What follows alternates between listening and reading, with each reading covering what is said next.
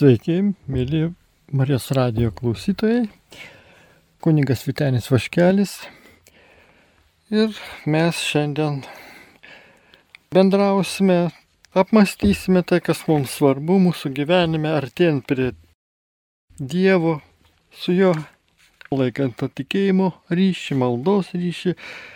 Ir matysime, kokie yra mumise trukdžiai, Kalbėsime apie prieraišumus, apie tuos dalykus, kurie mus prikausto prie kūrinių ir nuo kurėjo atitraukia. Laisvinant iš visokių vat, tų prieraišumų likučių ir pasiremsiu dėl dar ir Geraldo Mairio, krikščionio, medicinos mokslo daktaro, labai žymaus psichiatro medžiagą taip pat ir nu, pabaigoje ir Ganso Baltazaro minčių pažersime, kad galėtume turiningai šitą laiką praleisti ir galėtume dar labiau išsilaisvinti iš tų dalykų, kurių dabar nematome, o šventai dvasiai apšvietus, toji šviesa mus tiesiog visus be galo stip, sustiprina ir mes pamatom tai, ko anksčiau nematėme. Kalbėjom anksčiau apie priklausomybės kaip apie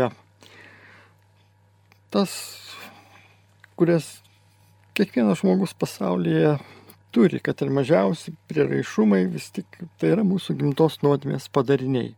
Tad norėdami įsiaiškinti, kaip tas blogis susijęs su žmogiškąja priklausomybės patirtim, Dar panagrinėkime trumpai gundimo savoką. Naujajam testamente jis daugiausia aiškinamas kaip pirminė velnio veikla suvedžiojimas. Kitais atvejais gundimas vertinamas kaip blogio jėga pati savaime. Dar kitur jis tiesiog laikomas žmogaus būties dalimi. Nepaisant nuomonių apie gundimo šaltinį ir tikslą, bibliniai šaltiniai aiškiai sutarė dėl jo pobūdžio. Tai esas priklausomybės pradžios taškas. Ar laikytume gundimą tiesiog savo biologinių gebėjimų tapti priklausomiems, ar tamsių išorinių jėgų suvedžiojimu? Na, pagaliau, ar vienu ar kitu atveju gundimas visada esti pirmasis žingsnis į priklausimą nuo to, kas mus gundo arba nuo to dalyko, į kurį mus pagunda traukia. Taigi tai iš ankstinė jo sąlyga. O kaip prisirišimas visiškai įsišaknyja, mūsų motyvai susipainioja. Ir tada laisvė rinktis iškyla iš ties nemenkas pavojus. Atstūrus ant pakopus, kai tik iškyla prisirišimo galimybė visada Viskas priklauso nuo mūsų apsisprendimo, nuo to paprasto žodelio taip arba ne. Įsižiūrėkime šiek tiek atidžiau. Jei iš tiesų mums suteikta galimybė laisvai apsispręsti už Dievą arba prieš jį, jei iš tiesų taip įsipildo Dievo kuriamoji meilė mums, vadinasi, mūsų apsisprendimai turi būti atsiliepimai į kvietimus, o ne į prievartą, manipuliavimą ar įsakymus. Dievas iš savo meilės apsaugo mūsų laisvę, nes jis šaukia, o nereikalauja. Dievo šaukimai kartais esti dramatiški, stiprus, kartais tylus, silpni, bet niekas labiau šaukimą neapgins mūsų laisvės ir galimybės mylėti. Taigi Dievas nėra ir nebus žmonija už siulelių tampas lėlininkas. Be to Dievas mūsų gyvenimuose lieka tarsi ir paslėptas. Ne tik dėl savo gilaus įmantentiškumo, tai yra mūsų žmogiška būti, besi savo malonė besiskverbintis ir bauginančio transcendentiškumo, tai yra jau kas virš šios žemiškos prigimties, tai yra jau čia atgam, atgamtinė plotmė, bet ir dėl meilingo atsisakymo tapti dar vienu prieraišumo objektu. Su visišku aiškumu žvelgti Dievui į akis ir sakyti, taip, atliepiant jo, sek paskui mane, na, nebūtų laisvė. Kas galėtų atsakyti ne? Be to, tasai sek paskui mane, tai yra tik Dievo pirminio kreipimosi mylėk mane, natūralus tesinys. Paklauskime, ar tikroji laisvai besiliejanti meilė gali kilti kitaip, kaip tik laisvai pasirenkant mylimai, lygiai kaip mylimasis pirmasis mus pasirinko? Kankinanti tikrovė ta, kad iš tiesų laisvai su meilė apsispręsti negali būti lengva. Iš ties galima daryti nedrasę prielaidą, jog laisviausiai su didžiausia meilė apsisprendžiama tada, kai tenka atsisakyti brangiausių dalykų. Tai, sakykime, antroji kryžiaus prasme, kai viešpas dėl mūsų pasiaukoja ir mes drįstam atsisakyti, atsiriboti nuo tų dalykų, kurie mūsų laisvę sekti Kristumi suvaržę buvo. Taigi laisvę ir meilės džiaugsmą ir grožį tenka pirktis kančios kaina. Ir netgi reikia, galim pridėti tą žodelį. Gal mums ir norėtųsi, kad Dievas būtų viską sutvarkęs kitaip, kad būtų įmanomas lengvesnis gyvenimas, bet atidžiau įsižiūrėjus į savo gyvenimą, toks troškimas pasirodo tuščias būtent tada, kai apsispręsti tenka skausmingiausiai keliant savo didžiausią pavojų. O tai nėra lengva. Bet jeigu būtų lengva, imtume tokio apsisprendimo net nekesti. Taigi nors ir paradoksalu, mums reikia turėti prieraišumų, jeigu norime būti laisvi. Kad galėtume oriai grįžti namo, tai yra į Dievo tėvo namus, turime jų atsisakyti.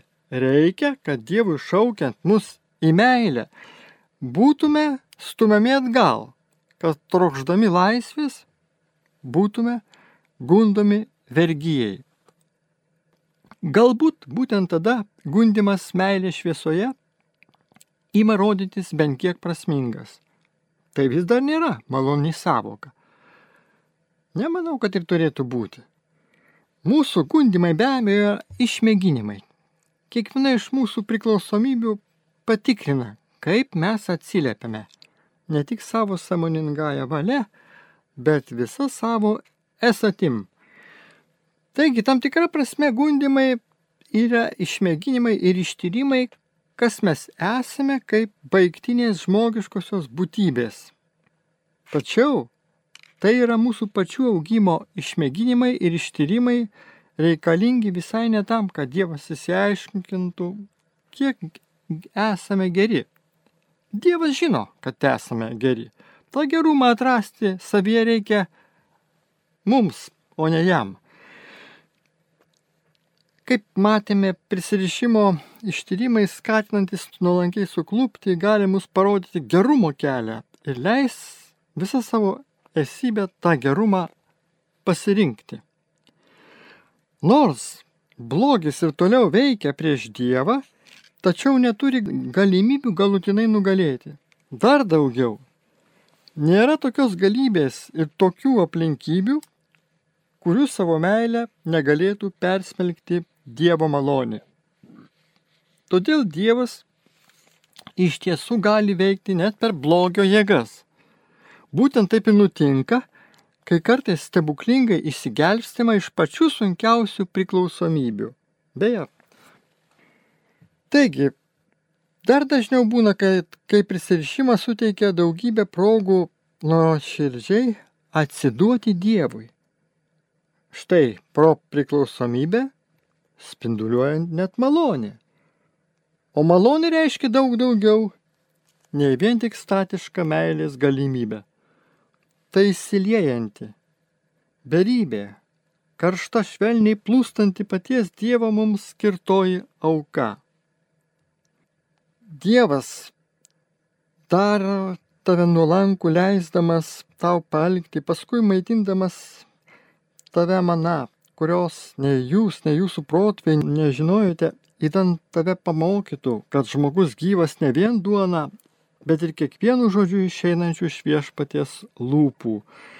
Įstatymo knygoje Senajame testamente skaitome ir suprantame, kad čia yra va štai to viešpaties gelbstinti malonė, tas dosnumas mus, mūsų protėvius kadaise pastiprinęs. O štai jau apreiškimo knygos pabaigoje rašoma, kad šventoji dvasia sužadėtinė kviečia ateik ir kas girdi, te atsiliepia, ateik ir kas trokšta, te ateina ir kas nori, tiesysime dovanai gyvybės vandens. O štai modernioje vakarų visuomenėje daug veiklos rūšių vadinamos dvasinėmis dėl to, kad būna susijusios su meditacija ar kitomis ir iš dvasinių tradicijų perimtomis askezės praktikomis, kurios iš pirmo žvilgsnio atrodo taip pat va, teikia tam tikrų dvasinio peno žmogaus gyvenimui pagerinti, bet iš tiesų negali atstoti krikščioniškų dvasingumo priemonių, negali paties Dievo pakeisti. Taigi, ar jos tikrai dvasinės dar priklauso ir nuo dalyvaujančio atsidavimo. Kas nors gali mus išmokyti, pavyzdžiui, meditacijos metodikos ar būdo melsis ir tai palengvins kai kurios mūsų priklausomybės nuo streso simptomus. Ši metodika kilusi iš dvasinės tradicijos susijusi su dvasiniais įvaizdžiais, tačiau dėl to jį netampa dvasinė. Iš tiesų, dvasinė jį darosi tik tada, kai mano pastangos pašvenčiamos meiliai ir nėra skirtos, na pavyzdžiui, vien kraujospūdžiui ar skrandžio rūkštingumui sumažinti tai širdies būsena. Jei norima pasišvesti širdyje, asketiška gali tapti kiekviena veikla, nors ir pasaulietiška. O be pasišventimo tikrai asketiška nebus jokia veikla, kad ir kokia dvasiška jį atrodytų. Vis dėlto tai nereiškia, kad stresą palengvinti yra blogai. Vienas medikas rašė, pirmąsyk pajutęs skirtumą tarp tikrosios ir apsimestinės askezės, pernelyg griežtai jas atskyriau. Jis pripažino savo klaidą. Nepakančiai vertinau supainiotą mąstyseną, kurią vadovaujantis, kabutėse, dvasingumo etiketė lipinama viskam, kas atrodo gera. Tas medikas liūdė dar raukydavausi, kai gydytojai profesionalai klausdavo apie meditacijos ar maldos kaip papildomų terapijos priemonių taikymą. Ėmiau muistytis iš draugo išgirdęs. Per gavėnę pasninkavau. Iš ties nuostabi patirtis. Numečiau penkis svarus. Netgi pasipiktinau kažkam papasakojus, kaip malda jam padėjo įveikti depresiją norėjusi klausti, o kur tavo malda dabar, depresijai praėjus? Ir jis dar toliau jau baigdamas liudijo. Tačiau mano nepakantumą lėmė mano paties priklausomybė nuo tikslių apibūdinimų. Dabar jau nebesu tiek prisirišęs prie vienpusio skirstimo. Mane truputį apšvietė malonė, kuriai tarpininkavo nemenkas nusižeminimas. Iš esmės nėra bloga medituoti norint sumažinti kraujospūdį gavėnios metu, numesti keletą kilogramų ar taikyti maldą kaip gydimo metodą. Tiesą sakant, tokie dalykai kartais yra labai naudingi. Ypač tai mes žinome, per išgydymo pamaldas vyksta palaimingi pasikeitimai žmonių širdise, jų kūnuose ir jie paskui jau paliesti malonės dėkoja Dievui.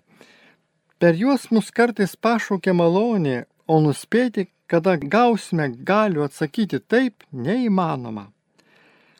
Net jeigu anksčiau gilusis mūsų širdžių ilgesys niekada nebuvo nutrūkęs, kiekviena kova teikia progą aukti, galimybę sulaukti malonės antplūdžio. Kiekviena tikroji augimo patirtis artina mus prie regėjimo, kas iš tiesų esame, savo troškimo skelbimo, atsakymo taip, pasišventimo. Kai kuriais atvejais moderniosios dvasinės iniciatyvos, pirmiausia, kurstančios tenkinti savąjį ego, pasirodo daug naudingesnės, taip kartais tai būna, net už kai kurias senasis religinės askezės praktikas, dabar oficialiai tvirtintas. Na ir vienas autorius sako, niekaip neįtvirtinančias dorybės. Jeigu iškraipimai neišvengiami, atrodo, kad taip, tada jau verčiau tie iškraipimai bent jau skatins gyvenimą ir kūrybingumą, o neslopinimą ir neįgymą. Taip, tai šiuo atveju tos askezės priemonės suprantamos iškreiptai ir neduoda krikščioniui naudos. O mes va, Dievui dėkojame, nes malonė gali iš mūsų prasiveršti, kad ir kokie būtų mūsų ketinimai. Dievas maloningai laukia, kol jai pritarsime ir dalyvausime perkeitime, tačiau gerybės jis mums teikia nieko nelaukdamas kad ir kam būtume vienu ar kitu metu atsidavę, Dievo malonė gali stebuklingai prasiskinti kelią ir mus pasiekti.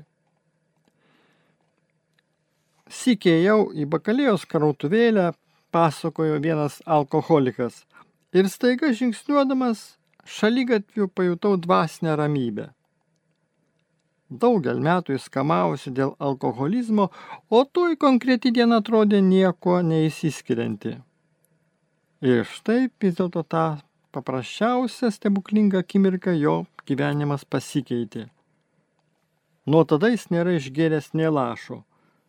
Savo patirties jis nenagrinėjo religijos požiūrių, žinojo tik vieną - tai, kas atsitiko, nebuvo susiję nei su tuo, ko buvo išmokęs, nei su tuo, ką buvo daręs. Apie šią dvasinę patirtį žino kai kurie iš sveikstančių narkomanų ir alkoholikų. Tai vadinama išvadavimu. Tokių staigių galios suteikimų negali paaiškinti medicina, psichologija nei socialinis mokslas. Juos patyrusiai vadina tai stebuklu. Dažnas iš jų daugelį metų kovojo su savo priklausomybėmis. Paskui staiga, be jokio perspėjimo, priklausomybės galios pakertamos. Išvadavimas atrodo panašus į bet kokį kitą stebuklingą fizinį, psichologinį ar socialinį išgyjimą. Tai atgamtiškos arba nepaprastos malonės, akivaizdus Dievo rankos įsikišimas, pakeičiantis fizinę sandarą bei funkciją ir suteikiantis galių aukti pilnatvės link. Priklausomybės atveju pagyjimas suteikia žmonėms galių keisti priklausomą elgseną. Ir mes melžiamės ir prašom palaimos, malonės, suvokti, kaip svarbu, kad mūsų troškimas, pasiryžimas keistis, savo elgseną keisti, būtų ir mūsų veiksmų seka. Ir atsiminkime, įvykus išvadavimui, aiškiai kažkas atsitinka smegenų sistemoms. Įvykus išvadavimui priklausomos sistemos nusilpninamos arba sustiprinamos tos, kurios siekia laisvės arba vyksta ir viena ir kita. Tačiau lieka svarbus ir nuolatinės asmeninės atsakomybės vaidmuo. Vis dar svarbu didelis noras ir budrumas. Vienas iš psichiatrų buvo išgyjimų liudininku ir jis štai ką bylojo. Su kokiamis nors medžiagomis susijusios ir nesusijusios priklausomybės, nuo daugelio kitų sutrikimų, ne vienu iš šių nuostabių atvejų žmonės stebuklingai gavę galių nebuvo išlaisvinti taip, kad jiems nebūtų reikalo ir toliau vengti savo senosios priklausomos elgsenos ir saugotis, kad jai neįpultų. Taigi jie turėjo saugotis, išlaisvinti ir palaiminti. Tikrai va štai patyrusi palaiminimą, malonę, impulsą keistis, taigi turi toliau būdėti ir siekti visų priemonių, galimybės išnaudoti, žengiant į savo sielos ir Dievo malonės laisvę tikras stebuklas buvo tas, kad vengti tapo įmanoma.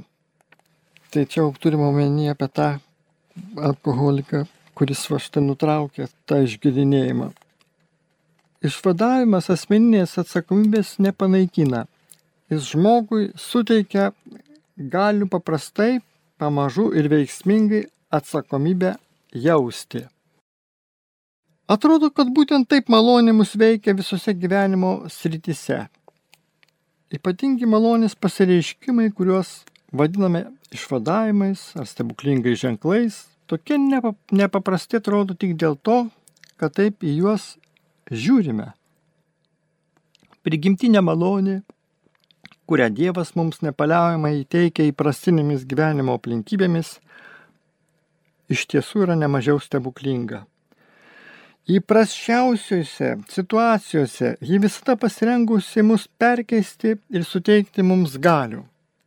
Stebuklai nekas kita kaip paprasta Dievo tiesa regima nustebusioms akims. Stebuklingas jau pats mūsų buvimas šiame pasaulyje. Mūsų kaip individų ir bendruomenių egzistavimas. Stebuklinga, kad Dievas mūsų sukuria su kūnais ir smegenimis, galinčiais prisitaikyti prie ko ne bet kokių sąlygų, kad Dievas mumis išsaugo nenugalimą pasirinkimo laisvę. Nemažiau stebuklinga tai, kad Dievas gali atitripdyti labiausiai užšalusius mūsų prisitaikymus ir galingai, nepaliaujamai teikti jėgų mūsiškiai pasirinkimo laisviai. Ypatingas malonės protrukis į žmogaus gyvenimą įsiveržia kaip nutvieskintis meilės energijos žaibas. Dievo gerumo gale švyti, nugalėdama kokią nors žmogaus vergijos formą ar nesėkmę. Priešo jėgos palauštos, o asmo gauna galių. Taigi tikiu, kad malonės įgalinimas palyti kiekvieną tikrą išgyjimą, bet kokį išvadavimą, bet kokį pajudėjimą pilnatvės, meilės, laisvės link. Nesvarbu ar mažą, ar didelį, jis lydi medicininį ir psichologinį gydimą, socialinį ir politinį susitaikymą. Dvasinį įsivadavimą iš blogio, religinį atgailą ir atsivertimą, tolesnį dvasinio augimo vyksmą. Jis yra visur, kur iš tiesų auga meilė.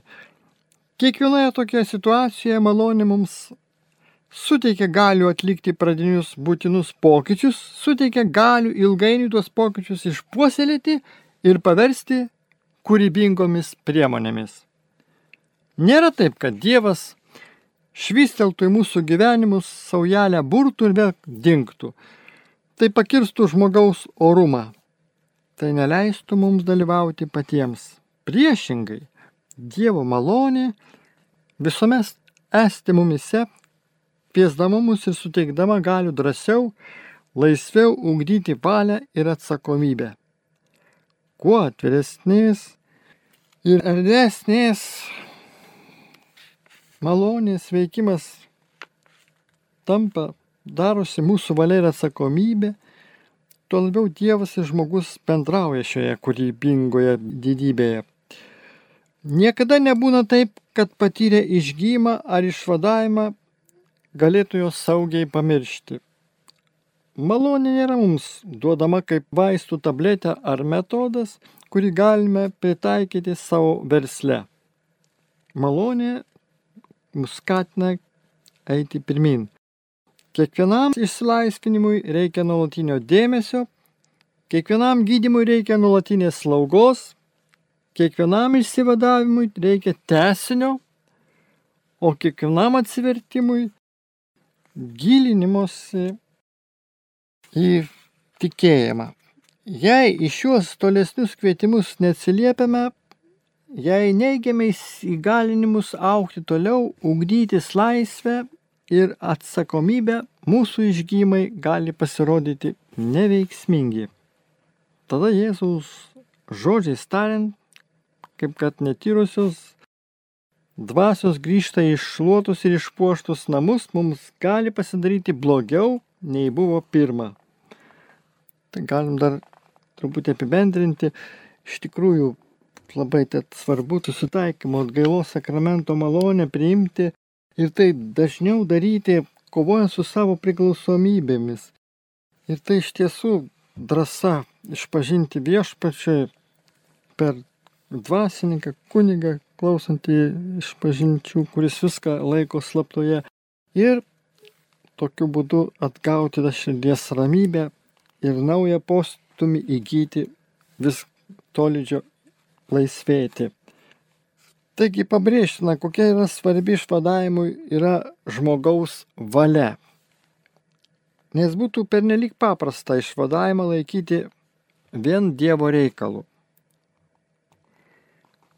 Taip pat kokia yra svarbi askeziai ir pertvarkymui malonė, nes mums gali kilti pagunda juos laikyti vien žmogaus pastangų vaisiumi.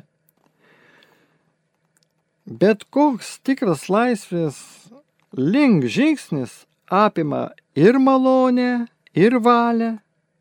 Bet žinot, neįmanoma apibūdinti malonės ir valios sąveikus. Jei turėtume atsižvelgti tik į Dievo atgamtiškumą, mūsų aiškinimo pagrindas galėtų būti Dievo veiksmai ir mūsų atsiliepimai. Jei savo ruoštų susitelktume tik į Dievo tą imanentiškumą, tai įsileimą žmogiškosios būties mūsų pašventinimą, na, galėtume sukurti tam tikrą psichologinį aiškinimą, pagristą mūsų kelionę individualumo link ir tikrojo aš atradimu. Tačiau Dievas yra sikių ir imanentinis, ir transcendentinis, taigi bet kokia vienpusio aiškinimo nepakaks. Paslaptis išlieka regime dar vieną pašventinimo prasme. Noras slėpinėje dalyvauti tikint, o nesuprantant. Negalėdami paaiškinti malonės ir valios neatsiejamumo, turime atsisakyti objektivaus svarstymo. Verčiau pasiklausysime pamokančių trijų istorijų. Dvasinis augimas tiems žmonėms, apie kuriuos dabar bus liudijima, neįtin rūpėjo. Jie tiesiog norėjo išsivaduoti iš savo prieraišumų. Jų istorijos rodo, kokia mislinga gali būti pertvarkymo ir išsivadavimo sąveika. Visų trijų istorijos baigėsi laimingai dėl vieno dalyko. Žmonės neužpildo erdvių, kurias paliko jų priklausomybės. Kaip ir kodėl jiems buvo suteikta galių gyventi tokioje erdvėje, lieka paslaptis. Žmogaus pakeliu į bakalėjos krautuvėlę dvasios ramybė buvo tikrai patirta, nes tas žmogus, apie kurį dabar liūdėjom, buvo plieno liejyklos darbininkas. Daugelį metų kovojo su alkoholizmu. mažiausiai septynetą kartų buvo pertvarkęs savo elgseną, mažiausiai aštuonis mėnesius ištvėręs, neimdamas į burną nelašo. Išbandė individualią ir grupinę psichoterapiją, lankėsi pas anoniminius alkoholikus. Na, jam ten ir matyt nenusisekė, nes vis atkrisdavo. Protu suvokė, kad anoniminiai alkoholikai paklūsta aukštesniai jėgai ir vis dėlto, jo žodžiais tariant, niekada iš tikrųjų nežinojau, kas tai yra arba kaip tai padaryti. Keletas iki buvau atsidūręs ties kraštutinė riba, be jokio išsivadavimo, tai jam nesuteikė, bet to išlaisvinimo. Jo žmona du sėki metė dėl gerimo, o suaugę vaikai retai kada aplankydavo. Jis įsigūdrino išsaugoti savo darbą, tačiau dėl pravaikštų galėjo bet kada jo netekti. Ir bet kokie bandymai mesti gėrimą buvo sudėtingi ir audringi, kupini neįsipildžiusių pasiryžimų ir pakirsti valios jėgos. Netgi depresijos lydimi nuolatinių kaltinimų savo. Tačiau nuo tos akimirkos, patirtos tiesiog ant šalygatvio, viskas pasikeitė. Na, jis nepadarė tokio pasiryžimo mesti vėl. Tiesiog nebeišgėrė kitos taurelės. Savo vaidmenį atliko disciplina ir nuoširdus siekis, bet nebuvo jokių pasiryžimų nei valios jėgos. Vėliau jis taip nusakė, nekovojau su troškimu vėl išgerti, tiesiog nebegėriau. Kas iki tol buvo taip sudėtinga, dabar tapo labai paprasta. Nelengva, bet paprasta. Štai kaip buvo. Jis ir toliau vaikščiojo pas anoniminius alkoholikus, nes tai padėjo jam likti budriam. Tačiau nesigrebė pakaitinių priklausomybių. Ten, kur būta alkoholio, dabar buvo tuštuma. Jis pasakojo, kad kas kart pagalvojus apie tuštumą, ji baugino, bet paliko ją ramybėje. Kartais užuot gėręs kaip anksčiau, tiesiog sėdėdavo ir žiūrėdavo į dangų. Nesididžiavo tuo, kad metė gerti, bet jam buvo gera. Gyvenimas nelaisvėje baigėsi. Kitas pusamžis vyriškis teisininkas. Buvo tapęs priklausomas nuo konkrečių seksualinių santykių. Seniai įtraukė bendradarbė ir draugai ilgai dirbdami prie vieno projekto jie įsimylėjo.